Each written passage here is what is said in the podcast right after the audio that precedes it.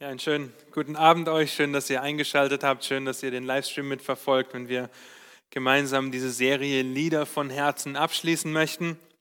Ein letztes Mal uns dem Psalmen zuwenden und ich hoffe, dass ihr über die letzten Wochen ermutigt wurdet, auf Gottes Wort zu blicken, besonders in die Psalmen zu schauen, die uns die Emotionen, die Gefühle, die Erwartungen, die Hoffnungen der Menschen, die sie geschrieben haben, aufzeigen. Wir haben angefangen vor sieben Wochen mit Psalm 46. Erkenne, dass dein Gott Gott ist. Wir haben einen Streifzug durch verschiedene Psalmen gemacht, die auf Christus hinweisen, wie sich Christus in den Psalmen verherrlicht. Wir haben erkannt und gelernt, was es heißt, auf der Pilgerreise zu sein in einer feindseligen Welt und dieses Jerusalem, sich darüber zu freuen, in dem Psalm 120 bis 122 und wir haben gelernt, was es heißt, Gott zu preisen. Psalm 117. Ehrfurcht, Lobpreis, Hoffnung, Lieder von Herzen. Und so haben wir nur an der Oberfläche ein bisschen gekratzt, wenn wir uns nur sieben Wochen mit diesem Psalm beschäftigt haben. Aber heute möchte ich das abschließen und gemeinsam mit uns Psalm 51 betrachten. Ein Lied von einem zerbrochenen Herzen. Zerbrochen von der eigenen Sünde. David schreibt diesen Psalm circa ein Jahr nach dem Ehebruch mit Bathseba und dem damit verbundenen Mord an Uriah. Und er benutzt Worte, die uns häufig nicht so schnell über die Lippen gehen. Drei Worte, die wir häufig vermeiden wollen. Ich habe gesündigt. Ohne die Schuld zu verschieben, benutzt David diese Worte, ohne die Schuld auf Saul zu verschieben, der ihn unter seine Fittiche genommen hat, der ihm trotzdem so lange nach dem Leben getrachtet hat, ohne die Schuld auf Bathseba zu schieben, die so attraktiv war, erkennt David an, dass er gesündigt hat. Ein Psalm von einem zerbrochenen Herzen. Und bevor ich diesen Psalm lese, möchte ich euch die Frage stellen, Wann warst du das letzte Mal richtig erschüttert über deine Sünde gegen einen heiligen Gott? Wir werden uns vier Wahrheiten anschauen, warum es angebracht ist, über Sünde zerbrochen zu sein. Und mit der Frage im Hinterkopf, wann du das letzte Mal zerbrochen warst, erschüttert warst über deine Sünde, möchte ich dich bitten, Psalm 51 aufzuschlagen. Ich werde ihn lesen und achtet besonders darauf, wie David mit seiner Sünde umgeht. Psalm 51. Gottes Wort sagt dem Vorsänger, ein Psalm Davids, als der Prophet Nathan zu ihm kam, weil er zu Bathseba eingegangen war. O Gott, sei mir gnädig nach deiner Güte. Tilge meine Übertretungen nach deiner großen Barmherzigkeit. Wasche mich völlig rein von meiner Schuld und reinige mich von meiner Sünde denn ich erkenne meine Übertretungen und meine Sünde ist alle Zeit vor mir. An dir allein habe ich gesündigt und getan, was böse ist in deinen Augen, damit du Recht behältst, wenn du redest und rein dastehst, wenn du richtest. Siehe, in Schuld bin ich geboren und in Sünde hat mich meine Mutter empfangen. Siehe, du verlangst nach Wahrheit im Innersten, so lass mich im Verborgenen Weisheit erkennen. Entsündige mich mit Isop so werde ich rein. Wasche mich, so werde ich weißer als Schnee. Lass mich Freude und Wonne hören, damit die Gebeine frohlocken, die du zerschlagen hast. Verbirg dein Angesicht vor meinen Sünden und tilge alle meine Missetaten. Erschaffe mir, o oh Gott, ein reines Herz und gib mir von neuem einen festen Geist in meinem Innern. Verwirf mich nicht von deinem Angesicht und nimm deinen heiligen Geist nicht von mir. Gib mir wieder die Freude an deinem Heil und stärke mich mit, deinem, mit einem willigen Geist. Ich will die Abtrünnigen deine Wege lehren, dass sich die Sünder zu dir bekehren. Errette mich von Blutschuld, o oh Gott, du Gott meines Heils. So wird meine Zunge deine Gerechtigkeit jubelnd rühmen. Herr, tue meine Lippen auf, damit mein Mund dein Lob verkündige. Denn an Schlachtopfern hast du kein Wohlgefallen, sonst wollte ich sie dir geben. Brandopfer gefallen dir nicht. Die Opfer, die Gott gefallen, sind ein zerbrochener Geist. Ein zerbrochenes und zerschlagenes Herz wirst du, o oh Gott, nicht verachten. Tue wohl an Zion nach deiner Gnade, baue die Mauern Jerusalems, dann wirst du gefallen haben an Opfern der Gerechtigkeit, an Brandopfern und Ganzopfern. Dann wird man Stiere darbringen auf deinem Altar. Lasst mich beten. Treuer Gott und Vater, habt du Dank, dass wir in diesem Psalm lernen dürfen und sehen dürfen, was es heißt, über seine Sünde zerbrochen zu sein, was es bedeutet, anzuerkennen, dass wir gegen dich, den heiligen Gott, sündigen. Und so bete ich, dass wir ermutigt sind, dass wir aber auch ermahnt sind, zu prüfen und zu schauen, zu überlegen, wenn wir sündigen, gegen wen wir sündigen und was das mit uns machen sollte. Herr, gib du jetzt Gnade zum Reden, Gnade zum Hören, zu deiner Ehre und zu unserem Besten, Herr. Amen. Nun, ich möchte mit euch vier Gründe anschauen, vier Wahrheiten, warum es angebracht ist, über Sünde zerbrochen zu sein. In unserem Text sehen wir erstens, dass Sünde unsere Herzen beflecken. Sünde befleckt unser Herz. Und Davids Flehen wird deutlich, wenn er schreibt, tilge meine Übertretungen. Mit anderen Worten, radiere sie aus, wie aus einem Buch, in das ihr mit Bleistift geschrieben habt und dann mit einem Radierer kommt und das ausradiert. Gott soll diese Übertretungen ausradieren. Des Weiteren benutzt er die Worte in Vers 4, wasche mich völlig rein. Der nächste Ausdruck, der uns geläufig ist, der kommt vom Wäschewaschen, aber es ist uns nicht so deutlich vor Augen wie den Menschen damals, die am Fluss ihre Wäsche immer wieder über das Waschbrett schrubben, immer wieder am Stein ausschlagen, damit die Seife aus der Kleidung verschwindet mitsamt dem Dreck damit der letzte Fleck entfernt wird und das Gewand wieder rein ist, sauber ist. Und das dritte Wort, was David benutzt, ist, reinige mich von meiner Sünde. Und hier geht es um rituelle Heiligung, die zum Beispiel für die Leviten oder auch die Israeliten durchlaufen mussten, bevor sie anbeten können. Und ihr lieben, Sünde verschmutzt uns als Kinder Gottes nach wie vor. David wird ein Mann nach dem Herzen Gottes genannt. Viele Kapitel vor, seinem, vor seiner Sünde mit Bathseba. Und er erkennt, dass Gott ihn reinigen muss, dass Gott ihn waschen muss, dass Gott diese Sünde austilgen muss. Bist du dir deiner Sünde bewusst? Bist du dir bewusst, dass nur Gott sie tilgen, sie waschen und sie reinigen kann? Und wenn ihr das mit anderen Psalmen vergleicht, die David über seine Sünde schreibt, wo wir nicht immer genau die Situation wissen, in, der, in welcher er das schreibt, dann sehen wir, dass er ein Mann war, der über seine Sünde trauerte und der weinte. Das könnt ihr zum Beispiel im Psalm 6 lesen, wo er schreibt in Vers 7, ich bin müde vom Seufzen, ich schwemme mein Bett die ganze Nacht, benetze mein Lager mit meinen Tränen. Und Thomas Watson, ein Puritaner, Puritaner hat hierzu treffend gesagt, Zitat, David spielte manchmal auf den Saiten seiner Harfe und manchmal mit der Orgel seiner weinenden Augen. Zitat Ende. Wann warst du das letzte Mal so ergriffen von deiner Sünde, wie es David war? Und wir kommen gleich noch dazu, wie wir das prüfen können, ob wir die richtige Motivation haben, wenn wir ergriffen sind. Thomas Watson sagt in seinem Buch Bilder eines gottesfürchtigen Menschen weiter, Zitat, ein gottesfürchtiger Mensch trauert über die innewohnende Sünde, das Gesetz in seinen Gliedern, die Ausbrüche und Kämpfe, die seiner Sünde entspringen und wie ein giftiger Brunnen sind. Eine erneuerte Person trauert, dass er das mit sich trägt, was Feindschaft gegen Gott ist. Ein Herz ist wie sein Herz ist wie ein weites Meer, in dem unzählbare Dinge zu finden sind, wie Eitelkeit oder sündige Gedanken. Ein Kind Gottes beklagt die verborgene Boshaftigkeit. Er trägt mehr Böses in seinem Fleisch, als er jemals fassen kann. Da sind die Wege in unserem Herzen, die er nicht, die wir nicht, die er nicht erforschen kann. Eine unbekannte Welt der Sünde. Wer kann seine Verfehlungen erkennen?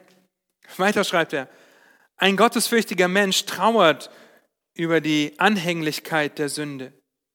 Wenn er sie nur loswerden könnte, dann wäre da Ruhe, aber er kann diese giftige Schlange nicht abschütteln. Sünde klebt an ihm wie Aussatz. Auch wenn ein Kind Gottes der Sünde gestorben ist, ist die Sünde noch nicht ganz abgetötet.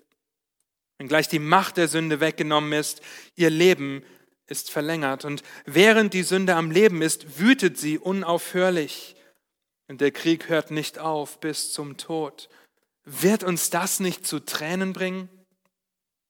Weiter schreibt Thomas Watson, ein Kind Gottes trauert, dass es von der Sünde überkommen wird.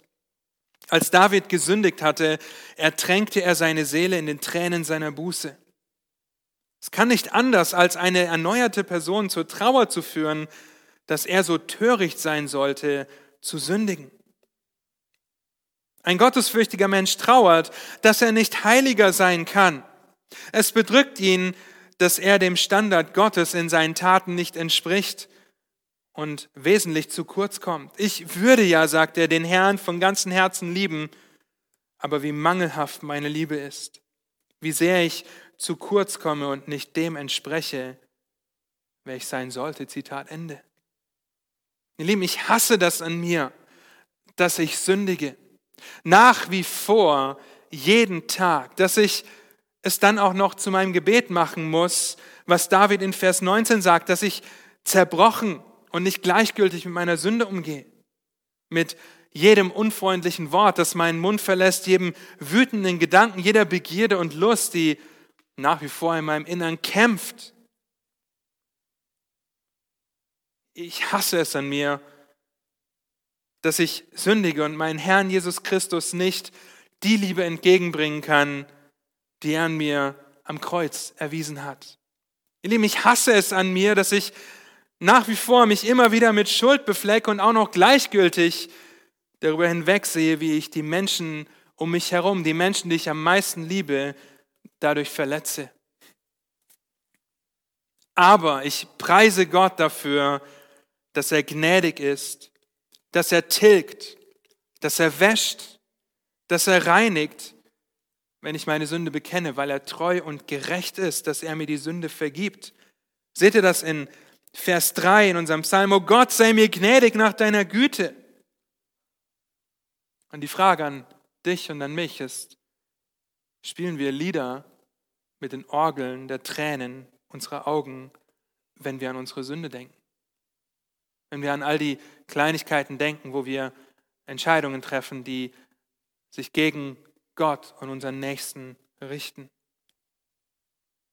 Vers 5 macht den zweiten Punkt sehr deutlich, warum wir zerbrochen sein sollten über unsere Sünde. Meine Sünde erschafft Erinnerungen. Ein Jahr nachdem David gesündigt hatte, ist er immer noch erschüttert darüber. Meine Sünde ist alle Zeit vor mir, schreibt er. Wir müssen gar nicht so weit in die Vergangenheit schauen. Wir müssen nur eine Frau fragen, die abgetrieben hat. Irgendjemand hat sie davon überzeugt, das durchzuziehen und ein Jahr später, fünf Jahre später, zehn Jahre später, zum eigentlichen Geburtstag des Kindes, zerbricht sie unter der Last ihrer Entscheidung. Ihr Lieben, wir wurden nicht erschaffen, um Sünde zu vergessen. Gott entscheidet sich dazu, sie zu vergessen. Das könnt ihr im Psalm 103 nachlesen. Aber wir vergessen sie nicht. Warum ist es gut, dass wir Sünde nicht vergessen? Nun, zum Ersten, wenn wir unsere Sünde vergessen würden, dann könnten wir die Güte Gottes nicht bezeugen. Es wäre fatal, wenn wir dastehen und Zeugnis geben sollen und vergessen, wo wollen wir Zeugnis geben. Gott war bestimmt gütig zu mir, aber ich habe nur vergessen, wann und warum. Zweitens, wenn wir unsere Sünde vergessen würden, würden wir nicht davor gewarnt werden, sie zu wiederholen. Stellt euch vor, ihr würdet vergessen, dass Feuer heiß ist und fragt euch, warum eure Hände so knusprig braun sind und es so weh tut, wenn ihr dieses orange-gelbe Zeug fasst. Erinnerung an Sünde hilft uns dabei, an die schmerzhaften Konsequenzen unserer Sünde zu denken während Gott uns liebevoll korrigiert, ruft und züchtigt, zerbrochen zu ihm zu kommen.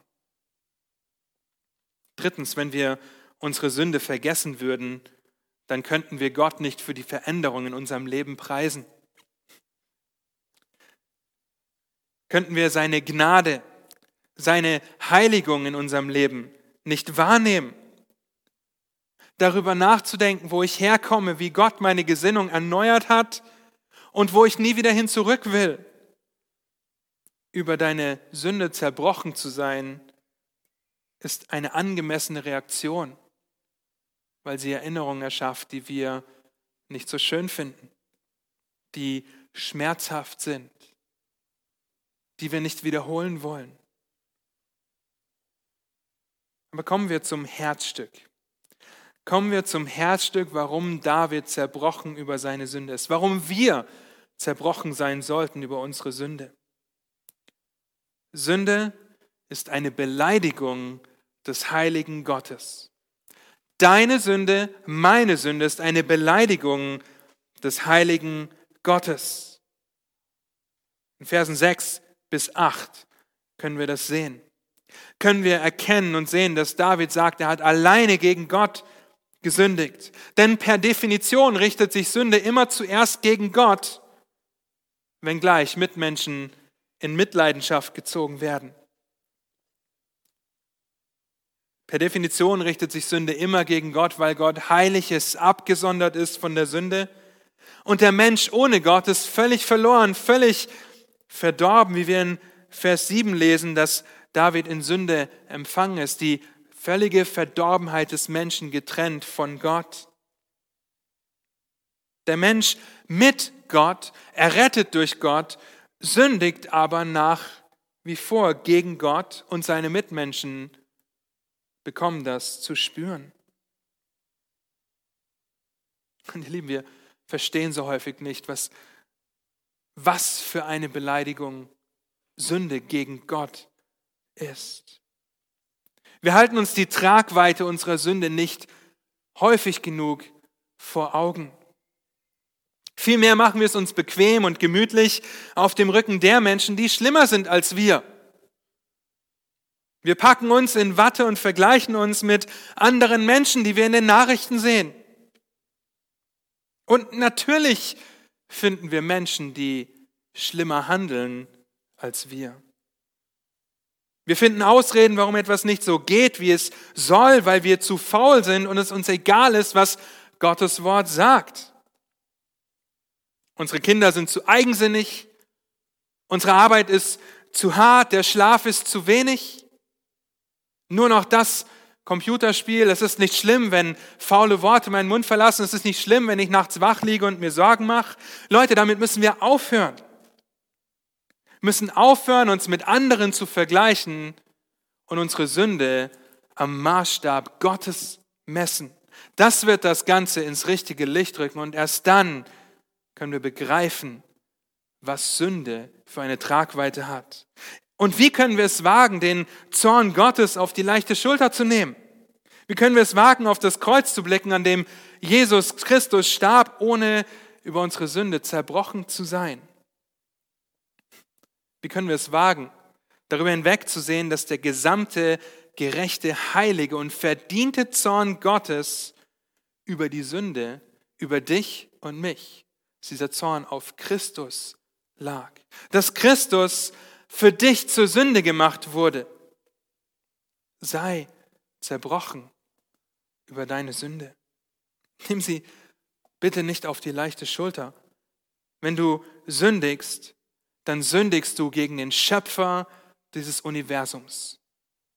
Dann sündigst du gegen den Schöpfer des Universums, deinen Schöpfer, der dir jeden Herzschlag gibt, der dir jeden Atemzug schenkt, der dir Leben gegeben hat, indem er dich errettet hat, wenn du sein Kind bist. Wenn du sündigst, sündigst du gegen einen heiligen Gott. Sei zerbrochen über deine Sünde.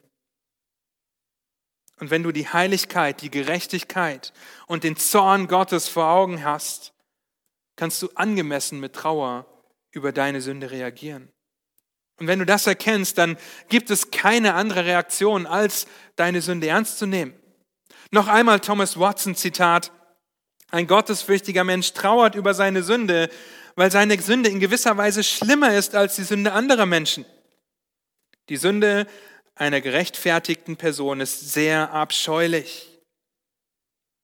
Aber die Trauer und der Schmerz über die Sünde ist kein verzweifelter, hoffnungsloser Schmerz.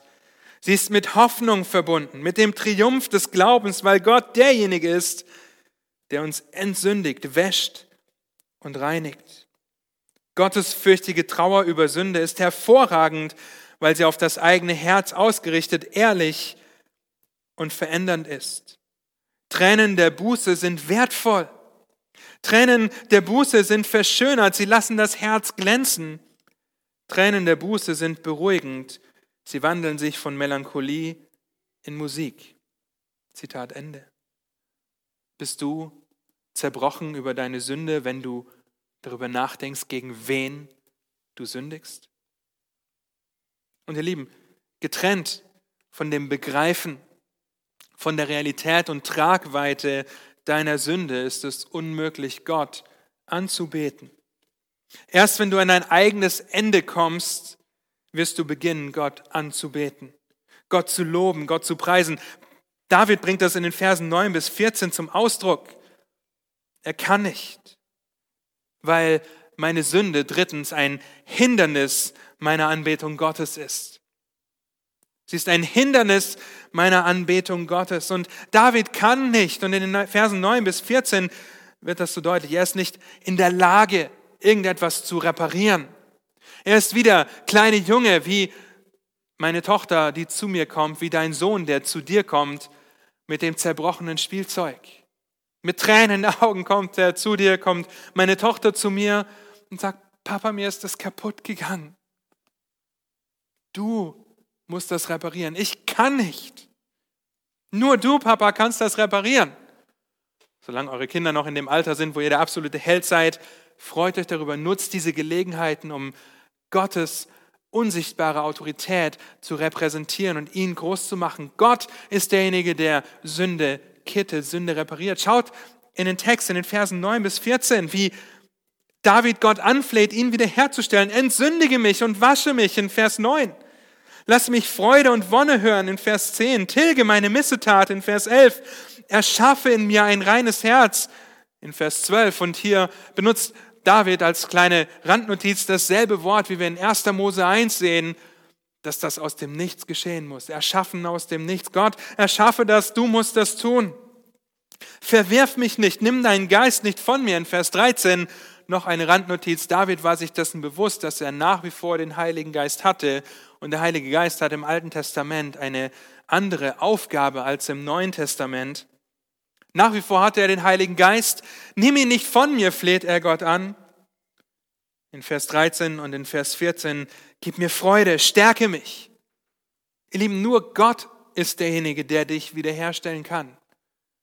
Nicht aus eigener Kraft, weil du zerbrochen bist über deine Sünde, sagst du, und jetzt fange ich an, aus eigener Kraft das alles wiederherzustellen. Nur Gott kann das, kein anderer, nicht du selbst, nicht deine Frau, nicht dein Mann, nicht deine Kinder, nicht deine Eltern, niemand kann das als nur Gott. Fliehe zum Herrn in deiner Sünde. Ich fliehe zum Herrn von Angst geplagt, von Not geplagt. Wenn du deine Sünde bekennst, ist er treu und gerecht, dass er dir die Sünde vergibt und dich reinigt von aller Ungerechtigkeit. 1. Johannes 1, Vers 9. Eine ähnliche Parallele zu dem, was wir in Psalm 51 sehen. Wenn du nicht an dein eigenes Ende kommst und über deine Sünde zerbrochen bist und mit diesem Zerbruch zu Gott gehst, dann wird das deinen Gottesdienst hindern. Denn im Licht der unvergleichlichen Majestät Christi haben wir nur eine Antwort auf unsere Probleme. Denn nur im Licht der unvergleichlichen Majestät Christi können wir neu gemacht werden.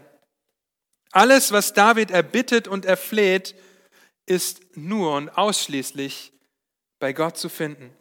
Ohne Gott keine Wiederherstellung. Ich hasse meine Sünde, die mich so leicht umstrickt. Ich bin zerbrochen über die einzige Fähigkeit, dem heiligen Gott zu widerstehen, indem ich sündige. Gott, ich brauche dich. Das ist mein Gebet. Ich hoffe, das ist dein Gebet. Stelle mich wieder her, reinige mich. Verändere mich durch deinen Geist in dein Bild. Denn getrennt von dir kann ich nichts tun. Und alleine, auf mich allein gestellt, kann ich nichts anderes, als mir Schuld aufzuhäufen. Und wenn wir an diesem Punkt angekommen sind, an dem wir nichts als ein zerbrochenes Herz und einen zerschlagenen Geist bringen, werden wir den Gott unseres Heils mit unseren Lippen preisen und verkündigen. Verse 15 bis 21. David kommt zum Schluss und zeigt auf, dass das Werk Gottes der Wiederherstellung zu Lobpreis und zu Verkündigung führt. Zerbrochenheit über Sünde wird mich zu einem Zeugnis machen, wenn ich richtig damit umgehe. Das Resultat dessen, dass David richtig mit seiner Sünde, mit seinem Zerbruch umgeht und sich sicher ist, dass Gott derjenige ist, der wiederherstellt. Es wird dazu führen, dass er Gott preist, dass er Gottes Taten in seinem Leben groß macht und Zeugnis davon gibt, dass er diese Geschichte, dass wir diese Geschichte im Gott Gottes finden dürfen und die Buße des David. Nun, das wird auch dazu führen, dass du, dass ich, dass wir Gott für seine großen Taten in unserem Leben preisen. Dass wir ihn verkündigen, weil wir uns von Herzen wünschen, dass die Nächsten um uns herum genauso zu Gott fliehen mit ihrer Sünde, mit ihrem zerbrochenen Herzen. Das sind die Opfer, die Gott gefallen. Kein Bibelleseplan, keine Anstrengung, kein eigenes Wirken aus eigener Kraft zu Gott zu kommen.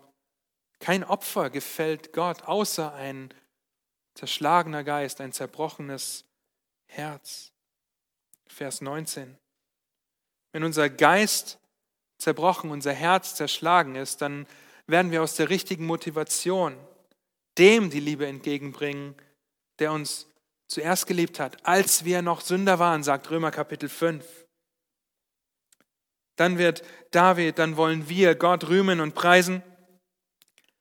Mit David sagen in Vers 17, Herr, tue meine Lippen auf, damit mein Mund dein Lob verkündige. Das ist das Ergebnis. Ist das Ergebnis, wenn ich mit einem zerbrochenen Geist und einem zerschlagenen Herzen über meine Sünde zu Gott komme und sage, nur du kannst es kitten.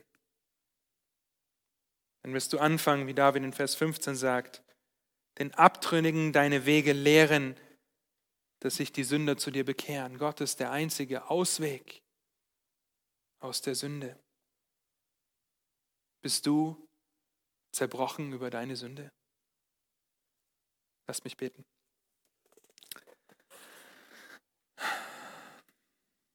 Herr, du Dank dafür, dass du zerschlagen wurdest, durchbohrt wurdest,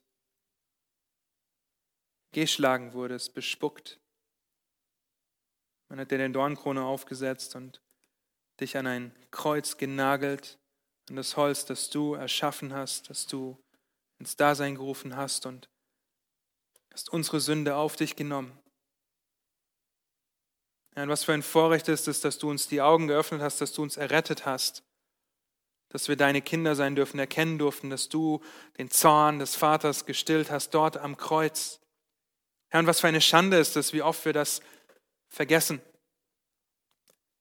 Wie oft wir das vergessen, dass du unsretwegen zerschlagen wurdest, unsretwegen verachtet wurdest, unsretwegen gerufen hast, mein Gott, mein Gott, warum hast du mich verlassen? Und so bete ich von Herzen, dass wir mit unserer Sünde, mit den Herausforderungen unseres Lebens, wo wir mit Sünde reagieren, zu dir fliehen, weil wir erkennen, dass du aufgrund unserer Schuld und Sünde zerschlagen wurdest, damit wir einen Zugang haben zu dir. Vater, damit wir mit Freimut vor den Thron der Gnade kommen dürfen, um Gnade zu finden und Barmherzigkeit zur rechtzeitigen Hilfe. Und so bete ich, dass wir unsere Sünde nicht auf die leichte Schulter nehmen, dass wir sie anerkennen und nicht die Schuld bei jemand anderem suchen. Gib du Gnade dazu in der kommenden Woche. Wenn wir darüber nachdenken und nachsinnen und dich vielleicht bitten, dass du uns zerbrichst über unsere Sünde, dass wir die Tragweite unserer Schuld erkennen in Bezug auf dich und in den Auswirkungen auf unsere Nächsten, Herr. Das bete ich von ganzem Herzen. Amen.